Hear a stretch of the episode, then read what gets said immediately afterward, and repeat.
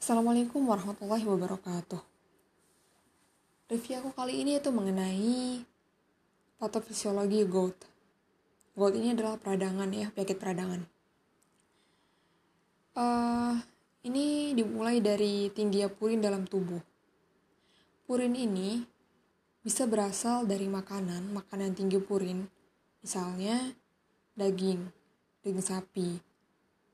Daging ini tinggi purin Lalu sapi juga memiliki DNA, di mana DNA uh, eh, memiliki purin juga, hingga purinnya makin tinggi. Lalu dalam tubuh kita, tubuh manusia, DNA uh, eh, maupun RNA sel itu juga mengandung purin. Oke, nah kita anggap purinnya tinggi nih. Nah, purin ini, purin akan diubah jadi hiposantin. Lalu, hiposantin akan diubah jadi santin oleh bantuan santin oksidase. Lalu santin akan diubah jadi asam urat oleh bantuan santin oksidase juga. Santin harusnya, seharusnya ya sebelum diubah jadi asam urat, dia itu uh, diekskresi di ginjal melalui urin ya. Melalui, jadi diekskresi dengan urin melalui ginjal. Namun karena banyaknya kandungan purin, banyak juga nanti akan menjadi asam urat Nah, asam urat ini dapat terjadi kristalisasi. Ketika terjadi kristalisasi, ini pasien akan merasakan nyeri ya ketika terjadi proses kristalisasi.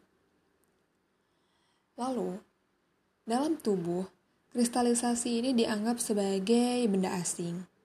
Sehingga akan terjadi fagositosis oleh leukosit terhadap kristal, kristal ini. Nah, terjadilah peradangan dan uh, kerusakan jaringan. Oke. Okay? Nah, mengenai kristalisasi itu ada dua faktor yang mempengaruhi uh, proses kecepatan kristalisasi. Mudahnya kristalisasi yaitu pH. Tinggi rendahnya pH ya, rendahnya pH akan lebih memudahkan terjadinya kristalisasi. Begitu juga suhu. Suhu yang rendah akan lebih memudahkan terjadinya kristalisasi. Oke, nah itulah mengapa uh, gout ini dapat terjadi komplikasi gagal ginjal. Kenapa? Karena ginjal ini memiliki pH yang rendah ya dalam tubuh bulus, pH-nya rendah sehingga ketika asam urat ini akan diekspresikan melalui ginjal, dia dapat mengkristal di sana Inilah mengapa uh, dapat terjadi komplikasi gagal ginjal. Ya, pH-nya rendah, lalu akan terjadi kristalisasi asam urat di, di, di ginjal. Oke, nah selain itu, suhu yang rendah pada tubuh, suhu yang paling rendah itu terdapat di kaki, terutama di jempol. Itulah mengapa uh, gout ini sering terjadi pembekakan di, di jempol jempol ini sering terjadi pembekakan ya pada penyakit gout karena suhunya rendah. Nah,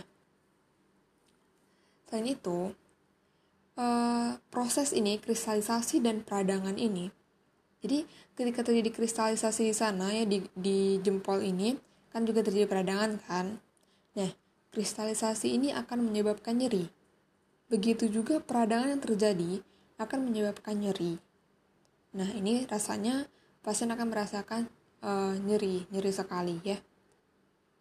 Oke, uh, sekian mungkin kurang lebih. Saya mohon maaf. Assalamualaikum warahmatullahi wabarakatuh.